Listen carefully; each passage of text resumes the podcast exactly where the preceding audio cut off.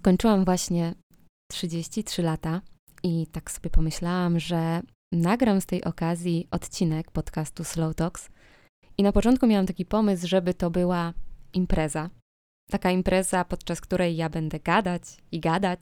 No w sumie jaki mogę sobie lepszy prezent sprawić niż taki monolog na dowolny temat, taki freestyle, taki potok myśli, który wyjdzie prosto ze mnie, bez większego przygotowania. Nie będzie w dodatku ograniczony żadnym czasem. No i taki był zamysł, takie były ramy dla tego odcinka.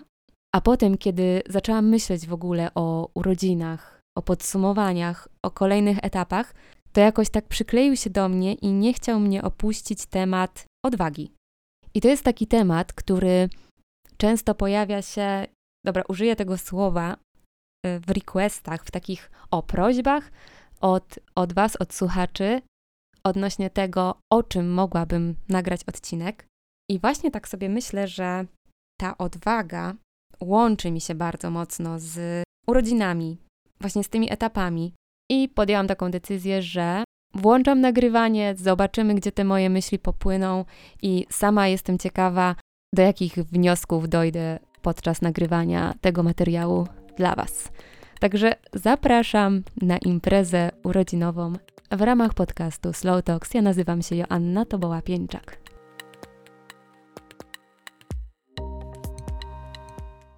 Na początek wyjaśnimy sobie jedną kwestię, bo dla mnie wiek to jest tylko jakaś liczba. I to, że właśnie skończyłam 33 lata, to wiąże się z jakimiś takimi skojarzeniami, że to wiek Chrystusowy, że to już 33, a ja sobie myślę o tym, że w sumie ta liczba to fajnie wygląda, bo są dwie trójki, łatwa do zapamiętania, a dwie trójki dają szóstkę i w zasadzie to jest wszystko dla mnie. Zajrzę sobie później, co to oznacza w numerologii, te dwie trójki, szóstka i tyle.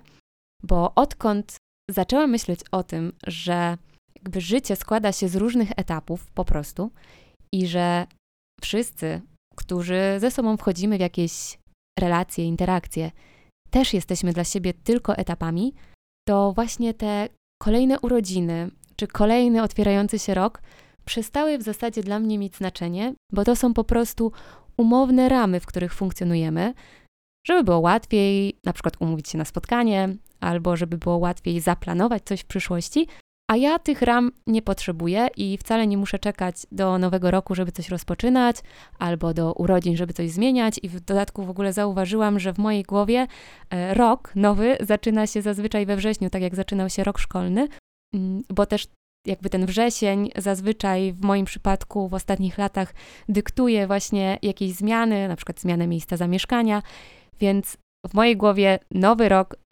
zaczyna się we wrześniu, no i wraz z tą całą moją filozofią etapów, nie zważania uwagi na końce, początki roku urodziny, ja sobie myślę o tym, że końce to nowe początki, nowe początki to nowe etapy. Nowe etapy mogą trwać dłużej, mogą trwać krócej, a urodziny są po prostu takim super powodem e, ku temu, żeby sprawić sobie więcej przyjemności, żeby świętować, żeby zrobić coś miłego dla innych, zrobić coś miłego dla siebie i spędzić ten dzień wyjątkowo. No i w związku z takim moim podejściem, że właśnie nie mam takich dwóch sztywno ustawionych punktów w ciągu roku, w którym coś powinno się zmienić albo ja powinnam się zmienić, nie tworzę też z okazji urodzin czy z okazji kolejnego roku postanowień dla siebie. Bo jestem zdania, że warto to robić częściej i niekoniecznie właśnie takie daty muszą być tymi datami, w których to się dzieje. Ja na przykład lubię robić takie rzeczy przy okazji Nowiu Księżyca, przy okazji pełni Księżyca i im częściej je robię, tym bardziej nagradzam sama siebie, uruchamiam ośrodek nagrody w mózgu, bo widzę krótkoterminowo, co mi się udało i dzięki temu czerpię motywację do tego, co jest dobre, bo taka ciekawostka to my pamiętamy jakieś ostatnie 3-4 tygodnie tego, co się działo, tak pierwszym rzucie. To właśnie pamiętamy, więc jeżeli na przykład tuż przed urodzinami albo tuż przed końcem roku masz jakiś trudniejszy czas, to niestety jest duża szansa, że podsumowanie całego roku będzie właśnie obarczone e, tym wszystkim, co czułaś, czułeś w ostatnich 3-4 tygodniach. Więc ja takich postanowień i takich wielkich podsumowań nie robię z tych okazji, robię je częściej, No i żeby było ciekawiej, to jak byłam dzieckiem, nie wiem, miałam takie 10-12 lat, to nigdy w moich wyobrażeniach nie dotarłam do tego punktu, w którym teraz jestem, czyli nie dotarłam do tego, że mam 33 lata. I jak sobie tak przypominam, to w zasadzie moje wyobrażenia kończyły się mniej więcej na 25-26 roku życia, no bo będąc wtedy jeszcze w gimnazjum, to chyba jest ten wiek, albo na końcu podstawówki, coś takiego, no to wyobrażałam sobie, że teraz moją misją jest uczenie się po to, żeby dostać się do dobrego liceum, a potem muszę zdać dobrze maturę, no bo wtedy myślałam, że to jest jedyny gwarant tego, że odniosę w życiu jakikolwiek sukces, no i dostanę się na wymarzone studia. Co ciekawe, nie miałam wtedy w ogóle takich wymarzonych studiów, wymarzonego kierunku i tuż przed studiami również tego nie miałam. No ale będąc dwunastolatką, wyobrażałam sobie, że spłynie na mnie w jakimś momencie ta pasja i nie wiem, dostanę takiego oświecenia, że tak, to jest kierunek, w którym powinnaś iść, a dzięki temu, że włożyłaś kupę wysiłku w naukę, to drzwi stoją przed tobą otworem. Idź na te studia, realizuj się, oczywiście też przesiąknięta takimi opiniami, że studia to jest e, cudowny czas, znajomości na całe życie, dużo zabawy, no ale też uczyć się trzeba, no bo jakby to już był ten ostatni etap, w którym naprawdę żarty się kończą. Nie wiem, to zawsze było zabawne, że z, każdym, z każdą kolejną zmianą y, poziomu nauczania powtarzano mi, że teraz żarty się skończą. I ja nie wiem, czy one się kiedykolwiek skończyły. Za każdym razem było dość przewrotnie. W każdym razie, studia. Oczywiście moje wyobrażenia a propos studiów. Fajni ludzie, fajne imprezy. Oczywiście uczę się po to, żeby tuż po studiach otrzymać wymarzoną pracę. Jakby wtedy w ogóle jakieś takie rozmyślania dotyczące tego, czy faktycznie po studiach ktoś będzie mi płacić grube miliony za wiedzę, której jeszcze nie mam, tylko zdobyłam na studiach i czy to, jaką pracę od razu po studiach dostanę, to będzie moja taka jedyna praca na całe życie. O, chyba ja tak sobie to wyobrażałam, że po prostu ja na studiach uczę się wszystkiego, co mogę i potem idę do pracy, no i pracuję i zarabiam, no bo przecież się nauczyłam wszystkiego na studiach. No i tu już dochodzimy do końca tych moich wyobrażeń, no bo kończę studia, otrzymuję pracę marzeń, w której te grube miliony spływają na mnie, realizuję swoje marzenia, mm, kupuję dom, mieszkanie. Ja nigdy nie byłam akurat typem osoby, która wyobrażała sobie siebie w białej sukni i ten moment e, posiadania e, małżonka był takim wymarzonym momentem. Tego w moich wyobrażeniach nie było, no ale myślę, że zakładałam, że ktoś jest blisko mnie, z kim buduję to swoje życie. No więc skończyły się studia, jakiś rok zajęło mi, żeby dojść do tego momentu, że mam wszystko to, o czym marzyłam. Mogę iść sobie do sklepu kupić wszystkie słodycze, o których w tym wieku 12 lat marzyłam. No ale jednak nie miałam takiego budżetu, żeby kupić je wszystkie. No ale teraz jako super wykwalifikowana osoba z super pracą, super osobą przy boku, super fantastyczną chadą i jak to bywa w bajkach, będę żyła długo i szczęśliwie. I tak to kończyło się w mojej głowie, bo nawet zauważcie, że w bajkach tak to właśnie wygląda. Bohater o czymś marzy, bohater dąży do jakiegoś miejsca, bohater, bohaterka.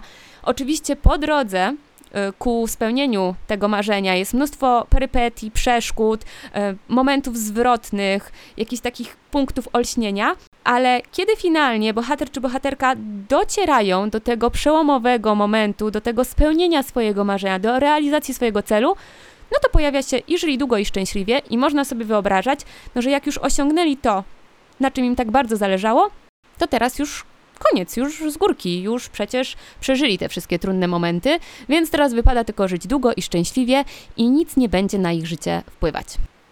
No i myślę, że każdy, kto słucha tego odcinka, zdążył już zauważyć, że e, wcale tak nie wygląda życie nasze. No i właśnie, to jest to nawiązanie do tych moich etapów, na które patrzę, że są etapy, które kończymy, które rozpoczynają nowe etapy, a w tych etapach zawarte są zarówno te słodkie momenty triumfu, radości, przyjemności, jak i te gorzkie, które ja tak przynajmniej myślę, uczą nas wielu rzeczy, pokazują właśnie, czego chcemy, czego nie, pokazują, czego potrzebujemy się jeszcze nauczyć, pokazują nam ludzi, z którymi warto lub nie warto spędzać czas i porażki, błędy, potknięcia z mojej perspektywy są po to, żebyśmy mogli wyciągnąć z nich wnioski, a nie po to, żebyśmy wyzywali siebie, żebyśmy zdejmowali z siebie sprawczość i myśleli o sobie jako najgorszym człowieku świata. Bo nie sądzę, że istnieje na świecie jakakolwiek osoba, której historia zakończyła się w pewnym momencie i żyli długo i szczęśliwie, i to długo i szczęśliwie trwa cały czas. No i tak sobie myślę, że poza tym, że nasze wyobrażenia, i nieważne czy one pochodzą z czasów dziecięcych, czy sprzed roku, czy sprzed miesiąca, często rozmijają się z rzeczywistością, w jakiej jesteśmy, to mamy w sobie bardzo dużą potrzebę definiowania. Definiowania świata dookoła nas i definiowania samych siebie. I ja myślę, że takie definiowanie służy temu, żeby upraszczać sobie i tak już bardzo złożony świat i upraszczać też takie rozumienie siebie, ale w ciągu tego ostatniego roku ja dotarłam do takiego punktu, że zrozumiałam, że to definiowanie siebie jest swojego rodzaju kajdanami dla mnie i że, i że ja nie chcę tego robić. Przynajmniej nie chcę się definiować w taki sposób, jaki robiłam to dotychczas, bo zauważyłam, że definiowałam siebie przez to, co robię i co robię zazwyczaj było powiązane z moją pracą. I jakby wracając do, do czasów, kiedy pracowałam w IT, no to właśnie często definiowałam się, że, że, że pracuję w IT, że jestem menadżerką, że jestem Scrum Masterem, Agile Coachem i dodawałam do tego, że no często podróżuję, ale w sumie to nie chciałam się definiować jako podróżniczka. I teraz od dwóch lat, kiedy odeszłam z tego IT świata, który w dosyć spory sposób mnie definiował, mm, pomijając fakt, że miałam potem rozwaloną głowę, bo zaczęłam się pytać, e, kim ja właściwie jestem, bo świat, który mnie definiował, nagle przestał istnieć na moje własne życzenie. Mm, I potem zaczęłam sobie myśleć, ok, to ja jestem digital nomadką, a może jestem kreatorką, która właśnie tworzy treści rozwojowe, która mówi o tym samopoznaniu, samoświadomości, a może powinnam wrócić do tego, że jestem podróżniczką, a w sumie to też jestem przedsiębiorczynią. Nie mówiąc już o takich rolach społecznych, jak to, że jestem córką, żoną, przyjaciółką, znajomą, koleżanką. I jestem w takim miejscu, że właśnie nie chcę się definiować ani przez to, co robię, ani przez role społeczne. Tylko jak sobie myślę o tym, jak ktoś mnie zapyta, kim jestem, chociaż nie robię tego jeszcze odruchowo, ale, ale właśnie coraz bardziej świadomie do tego podchodzę.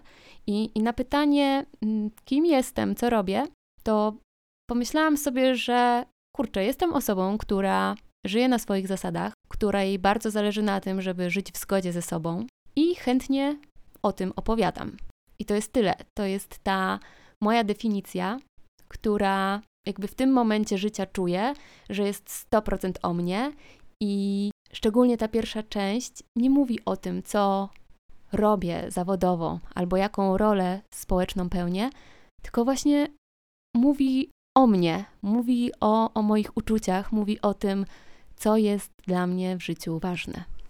I mówię o tym dlatego, bo teraz płynnie po tym początkowym, urodzinowym monologu chcę przejść do tego, co w tym dniu moich urodzin oznacza dla mnie odwaga. Bo jak zapytałam siebie, czym jest dla mnie odwaga, to właśnie, właśnie tym, przez co siebie definiuję. Dla mnie odwaga to jest życie w zgodzie ze sobą. Życie zgodnie ze swoimi wartościami i życie na takich swoich warunkach, które nie krzywdzą osób, które są blisko nas. I to życie w zgodzie ze sobą to jest właśnie to samopoznanie, ta świadomość swoich pragnień, swoich marzeń, swoich lęków. To jest taka świadomość tych wartości, o których mówiłam kilka odcinków temu. To jest takie coś, kiedy budzicie się rano i wiecie, czego potrzebujecie tego dnia. A jeżeli nie wiecie, to wiecie, w jaki sposób porozmawiać ze sobą, żeby to odkryć. To jest takie zrozumienie swoich wewnętrznych mechanizmów. To jest rozumienie tego, dlaczego w jakichś sytuacjach postępujecie nie w taki sposób, w jaki byście chcieli, ale jednak to się dzieje. To życie w zgodzie ze sobą to jest taki ciągły proces lepszego rozumienia siebie i postępowania w taki sposób, kiedy czujecie taką wewnętrzną spójność i czujecie się ok po prostu z tym, jak żyjecie, co robicie, gdzie jesteście. I to właśnie wcale nie oznacza rewolucyjnych zmian. Oznacza takie dobre czucie się z samym samą sobą. I ja mam wrażenie, że od 3-4 lat, właśnie przy okazji moich urodzin, myślę sobie o tym, że z każdym rokiem czuję się lepiej. Że z każdym rokiem w ogóle czuję się fajniejsza, tak po prostu dla samej siebie. I ja rozumiem, z czego to się bierze, bo czuję, że od tych kilku lat nawiązałam taki kontakt ze sobą i przestałam wypierać rzeczy, które były obecne w moim życiu. Przestałam też udawać, przestałam być w relacjach, które nie były dla mnie dobre, przestałam też katować siebie i budzić w sobie takie uczucie niewystarczalności, takie uczucie porównywania się do innych. I mam takie wrażenie, że z każdym miesiącem mogłabym wypisywać kilka takich moich olśnień, takich odkryć, które powodują, że lepiej rozumiem siebie, widzę więcej, a dzięki temu pracuję nad sobą, nad swoim zachowaniem, nad relacjami z bliskimi, tak aby to, co ja daję do świata, było dobre, ale również to, co ja daję samej sobie, było dla mnie dobre i karmiące.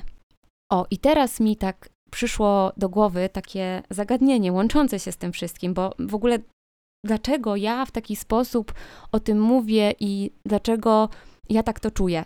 Bo ja w końcu tak świadomie zrozumiałam, że każdy z nas ma moc, ma szansę do tworzenia takiej swojej osobistej rzeczywistości. I ja wiem, że na wiele spraw, które dzieją się na świecie, nie mamy takiego bezpośredniego wpływu, że my zmienimy jedną rzecz i nagle świat zacznie inaczej funkcjonować. My nawet na naszych bliskich nie mamy aż takiego przełożenia, żeby zmiany zadziały się nagle. Ale mamy moc i mamy siłę do tego, żeby zdarzenia, które nam się przytrafiają, były przez nas tak interpretowane, byśmy patrzyli na nie z, taką, z takiej perspektywy, która przyniesie nam radość, przyniesie nam szczęście, przyniesie nam przyjemność, przyniesie nam satysfakcję. Bo chciałabym, żebyś wiedział, wiedziała, że historia naszego życia nie jest taką zero-jedynkową prawdą. Ta historia naszego życia, to co już się dotychczas wydarzyło, to jest po prostu taka interpretacja tego, jak my widzimy naszą przeszłość. I jedna sprawa jest taka, że my mamy niesamowitą umiejętność do tego, żeby źle pamiętać to, co się wydarzyło, czy źle zakłamywać przeszłość, zakłamywać wydarzenia, nadinterpretowywać je. I ta nasza przeszłość jest też obarczona w dodatku opiniami i perspektywami innych ludzi. Jest obarczona ich przekonaniami, naszymi przekonaniami. Jest obarczona także takimi wzorcami kulturowymi, tym środowiskiem, w którym się wychowywaliśmy i tym, czego wymaga od nas to środowisko, w którym jesteśmy. I ta historia naszego życia, to, co nam się dotychczas wydarzyło, to jest taka opowieść, którą my sami opowiadamy i sobie, i innym. I ta sama sytuacja, to samo zdarzenie może być opowiedziane z różnych perspektyw. Na tą samą sytuację można spojrzeć w zupełnie inny sposób.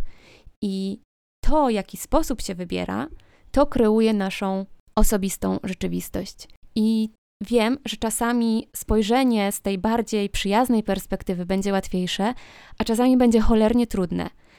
Ale tak dla przykładu chcę Ci powiedzieć, że jeżeli coś wydarzyło się nie po Twojej myśli, albo jeżeli popełniłaś, popełniłeś błąd i czujesz się z tym źle, czujesz się, czujesz wstyd, czujesz się upokorzona, czujesz, że zawiodłeś, to jak najbardziej te emocje są ok, one są w tobie i, i biorą się z czegoś, biorą się z tej sytuacji, ale po takim pierwszym złapaniu oddechu, po takim ochłonięciu, możesz na tą sytuację, która ci się przydarzyła, spojrzeć tak, że właśnie jesteś beznadziejny, beznadziejna, do niczego się nie nadajesz, jak zwykle zawiodłeś, a możesz spojrzeć na ten błąd, na tą porażkę jako naukę i zastanowić się, co zrobić, by następnym razem nie popełnić takiego błędu.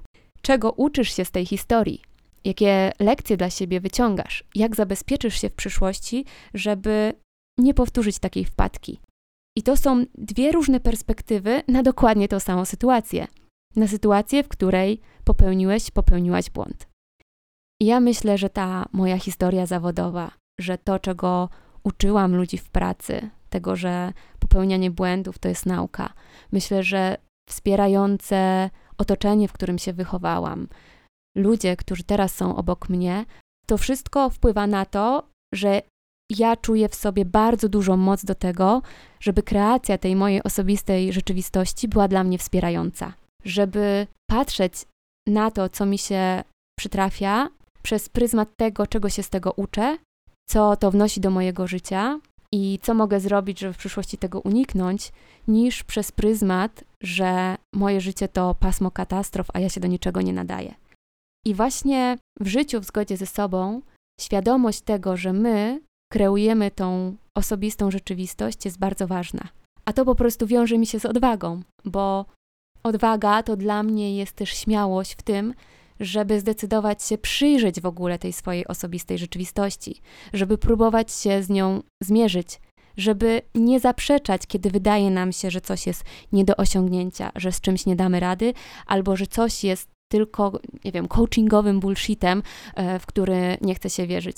Bo to nie są rzeczy, które tak po prostu przychodzą, że ty właśnie teraz słuchasz tego mojego odcinka, jesteś u mnie na tym urodzinowym melanżu i wyjdziesz z niego, wyłączysz ten odcinek i powiesz: Aha, dobra, to ja od dzisiaj zmieniam moją osobistą rzeczywistość. To jest proces. To jest proces, który trwa i moim zdaniem on się nie kończy. Tylko jeżeli podchodzimy do niego świadomie, jeżeli chcemy w niego inwestować i jeżeli chcemy się sobie przyglądać i właśnie nie raz do roku, nie wtedy, kiedy kończymy urodziny, tylko cyklicznie. Gadać ze sobą, zapisywać swoje emocje, patrzeć na to, co nam wychodzi, co nie wychodzi. To jest też odwaga. To jest ta śmiałość do tego, żeby być kreatorem swojej osobistej rzeczywistości. I przypomniała mi się teraz historia, która została u mnie w głowie, chociaż wydaje się taką prostą historią, którą nieraz możemy sobie przywoływać. I Jakieś 2-3 miesiące temu była u mnie e, dziewczyna na spotkaniu coachingowo-mentoringowym. Swoją drogą, jeżeli słuchasz tego odcinka, to e, pozdrawiam Cię mocno i dziękuję za inspirację. I ta dziewczyna bardzo chciała dokonać zmian. I ona nawet wiedziała, w jakim chce iść kierunku. Nawet wiedziała, w czym jest dobra. Myślę, że była mocno osadzona w tym, co może dać światu i, i jakie ma umiejętności, jakie ma moce. Tylko była też mistrzynią w wynajdowaniu powodów, dlaczego nie zacząć tego robić. I ona w pewnym momencie przywołała mi taką swoją myśl, która teoretycznie była po to, żeby dodawać jej motywacji. W praktyce jeszcze wtedy nie działała, ale mam nadzieję, że zaczęła działać. I ona powiedziała, że czasami jak chce coś zrobić, ale mm, przestaje mieć do tego odwagę albo ogarnia ją paraliż, to myśli sobie o tym, co ona będzie o tym myśleć, kiedy będzie siedziała na bojanym fotelu gdzieś prze, przed oknem w wieku 85 lat, będąc już taką staruszką, i co ona poczuje, gdy pomyśli sobie o rzeczach, które chciała zrealizować, ale ich nie zrealizowała. I teraz zapraszam do takiego krótkiego ćwiczenia, żebyś wyobraził, wyobraziła sobie, że właśnie siedzisz na tym bujanym fotelu, patrzysz przez okno, jakąś ładną, zieloną krainę, mogą być palmy za oknem, jeżeli chcesz, ja pewnie tak bym sobie to wyobrażała. Siedzisz na tym bujanym fotelu w wieku 85 lat i pomyśl o tym, co chcesz teraz zrobić. W sensie tak w życiu, jakie masz marzenie, albo do czego dążysz, ale coś cię stopuje, albo ciągle masz wątpliwości, mówisz, że brakuje ci odwagi, żeby to zrobić. I teraz zadaj sobie pytanie, czy chcesz, aby te rzeczy, których się boisz, te rzeczy, które teoretycznie odbierają ci odwagi, czy chcesz, żeby one cię powstrzymały przed realizacją swojego marzenia? Czy chcesz w wieku tych 85 lat siedzieć na tym fotelu i sobie myśleć, och, szkoda, że tego nie zrobiłam, bo bałam się krytyki? Jeszcze w dodatku krytyki od ludzi, których najprawdopodobniej od lat nie ma już w Twoim życiu, albo od takiej wyimaginowanej krytyki, którą sobie wyobrażałaś, że może na Ciebie spłynąć, jeżeli zaczniesz coś robić? Albo czy chcesz w wieku tych 85 lat tęsknić za swoim takim utraconym marzeniem tylko dlatego, że bałaś się, co powiedzą inni? Albo bałaś się, że nie dasz sobie rady, albo myślałaś, myślałeś, że nie masz wyboru? Ja to powtarzam, zawsze mamy wybór. To nie jest tak, że wyboru nie mamy, wybór jest, bo można też nic nie robić i to też jest jakimś wyborem. I zastanów się nad tym, co teraz w Twojej głowie stopuje te rzeczy, które chcesz osiągnąć, do których chcesz dążyć i zastanów się, co ty możesz o nich myśleć w wieku 85 lat i jak będziesz się czuła, czuł, kiedy właśnie przez te rzeczy nie spełnisz tego, na czym ci zależy, nie spełnisz, nie osiągniesz tego, o czym marzysz. A przynajmniej nie spróbujesz i nie zweryfikujesz, czy to marzenie jest tym, czego potrzebujesz, czy jest po prostu na, tylko na przykład wydmuszką, do której myślisz, że powinnaś, powinieneś dążyć, ale wcale go nie potrzebujesz. Tak się na chwilę zatrzymałam i sobie pomyślałam, że jesteśmy mistrzami w tym wymyślaniu powodów, dla których czegoś nie powinniśmy robić, albo dla których nie uda nam się to, o czym marzymy. I tak sami sobie blokujemy, sami sobie odbieramy sprawczość w dążeniu do tych rzeczy, które wydają nam się, że będą dla nas dobre. A ja zawsze powtarzam, że warto zrobić jeden prosty krok ku temu, żeby zweryfikować, czy to wielkie marzenie, które siedzi w naszej głowie, to jest faktycznie to, co sprawi, że będziemy szczęśliwi, co sprawi, że poczujemy się tak, jak wydaje nam się, że chcemy się poczuć. No i na ile te wyobrażenia, które mamy, mogą mieć związek z rzeczywistością, i mm, tutaj przychodzi mi od razu na myśl taka refleksja, że właśnie w związku z tym, że wszyscy jesteśmy dla siebie etapami, a w sumie jedyną stałą to jesteśmy my sami, dla nas samych. I w związku z tym nic nie jest na stałe.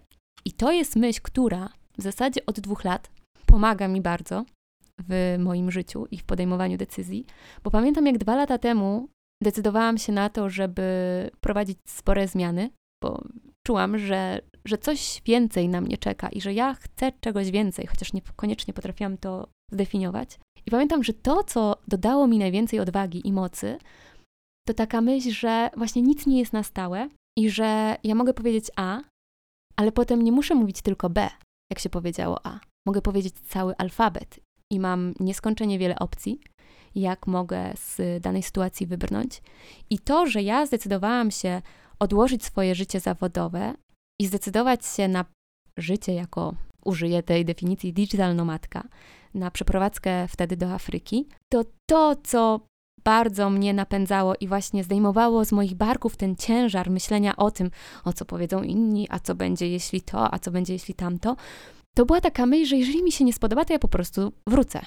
No jakoś wrócę. To zrezygnuję z tego, bo miałam wtedy przeczucie, że życie na innym kontynencie, w tym ciepłym klimacie, e, z zupełnie innym sposobem pracy jest czymś, czego czego ja potrzebuję, czego ja chcę spróbować, chociaż nie miałam na to pomysłu, ale wiedziałam, że chcę spróbować. I naprawdę bardzo dużo odwagi dodawała mi myśl, że jeżeli po tygodniu, po miesiącu, po pół roku poczuję, że to jednak nie jest dla mnie, nie będę czuła satysfakcji, będę czuła takie wewnętrzne cierpienie, będzie to powodowało, że jednak nie jest mi dobrze w tym miejscu, w którym jestem, to po prostu wrócę. I to ma związek właśnie z tym, że zawsze masz wybór. Możesz zostać w tym miejscu, w którym jesteś, albo zdecydować się na inny krok. I wiem, że niektórych rzeczy nie da się cofnąć i niektóre decyzje będą nieodwracalne, ale właśnie im bardziej będziemy świadomi tego, czego potrzebujemy, kim jesteśmy, o czym marzymy, czego się boimy, tym łatwiej będzie nam podejmować decyzje oparte na tym, co jest dla nas dobre i na tym, jak chcemy żyć. I na koniec, tak myślę, że to będzie już koniec, bo już trochę gadam, jest taka zasada, zasada pięciu sekund, która myślę, że może być takim dobrym początkiem do tego, żeby właśnie dodać sobie odwagi. I żeby ta odwaga częściej gościła w naszych życiach po prostu. Ta zasada pięciu sekund polega na tym, że jeżeli przyjdzie ci do głowy jakiś pomysł, który właśnie może ci pomóc w spełnieniu swojego marzenia, albo nawet to nie chodzi o marzenie, bo może to marzenie wydaje się czymś dużym, nieosiągalnym, ale że pomoże ci coś przezwyciężyć, zrobić pierwszy krok. Może to będzie podjęcie prostej decyzji, ale ta metoda może właśnie pomóc dodać ci odwagi i pomóc ci zacząć działać. I ona polega na tym, że jak przychodzi ci ten pomysł do głowy, jak przychodzi ci coś, co, co wiesz, że poczujesz w tej sekundzie, w tym impulsie, że może warto to zrobić, może warto to przetestować, to zacznij odliczać od pięciu do jednego od końca. Pięć, cztery, i w tym samym czasie zrób najmniejszy krok, żeby zrealizować ten swój pomysł. Że jeżeli właśnie przyszło ci do głowy, że napiszesz do osoby, z którą dawno nie rozmawiałaś, wiadomość, żeby odnowić ten kontakt, to chwyć może od razu za telefon i odliczając w głowie 5, 4, wybierz tą osobę na komunikatorze, 3, napisz do niej cześć, 2, napisz jeszcze jedno zdanie, skończ na jeden i wyślij tą wiadomość. I zobacz, co się wydarzy. I dlaczego ta zasada 5 sekund ma szansę zadziałać? Dlatego, że kiedy przyjdzie ci coś do głowy, to masz jedyne 5 sekund, aby powstrzymać swój mózg od tego, żeby zaczął wymyślać nieskończoną litanię wymówek, dlaczego nie warto tego robić. I dzieje się tak dlatego, że misją naszego mózgu jest ochrona nas. Mózg nie lubi zmian, nie lubi ryzyka, nie lubi, jak nagle jest wytrącany z tego, co zna. I te 5 sekund może ci pomóc zablokować ten małpi umysł, za, zablokować mózg, zanim on zacznie odwodzić cię od tego pomysłu. A ty zrobisz już pierwszy krok i zobaczysz, co się wydarzy. I nie będziesz obciążać siebie myślami, co gdyby. Nie będziesz miała problemów z zasypianiem, bo, bo ten temat będzie się kotłować w twojej głowie. Po prostu, kiedy przyjdzie ci pomysł, zrób najmniejszy krok ku temu, żeby zacząć ten pomysł zrealizować. Nawet zapisz go w notatniku, tak żeby on po prostu nie siedział w twojej głowie, a już wybrzmiał we wszechświecie. I jest duża szansa, że jeżeli taką energię nadasz temu pomysłowi, taką energię nadasz tej myśli, to później dostaniesz siłę do tego, żeby dalej nad tym pracować i finalnie uzyskać to, czego chcesz. Uzyskać też odwagę ku temu, żeby iść dalej i realizować to, na czym tobie zależy. No i dobra, teraz serio, na koniec jeszcze tak sobie pomyślałam, że ostatnia taka moja myśl i, i ta myśl brzmi, że nigdy nie jest za późno. I tak uważam, że szkoda sobie wypominać wszystko to, czego nie zrobiliśmy i jeszcze nie zrobiliśmy, albo co zrobiliśmy nie tak, bo te rzeczy już się wydarzyły. Tych rzeczy nie da się już cofnąć, nie da się ich powtórzyć, przynajmniej nie w tym wymiarze. I to, co polecam, to właśnie zmienić perspektywę i myśleć o tym, czego jeszcze się nie zrobiło, i zastanowić się, co zrobić, by na tym bujanym fotelu za te kilkadziesiąt lat nie żałować, że przed działaniem powstrzymało nas coś, co teraz albo nawet od kilkunastu lat już wcale istotne nie jest. I z okazji moich urodzin życzę Wam odwagi. Jakkolwiek ją definiujecie, to życzę Wam, żeby ta odwaga w Was była, bo w tej mojej definicji odwagi ja czuję, że ona jest czymś, co daje mi siłę do działania i do życia w zgodzie ze sobą i na swoich zasadach.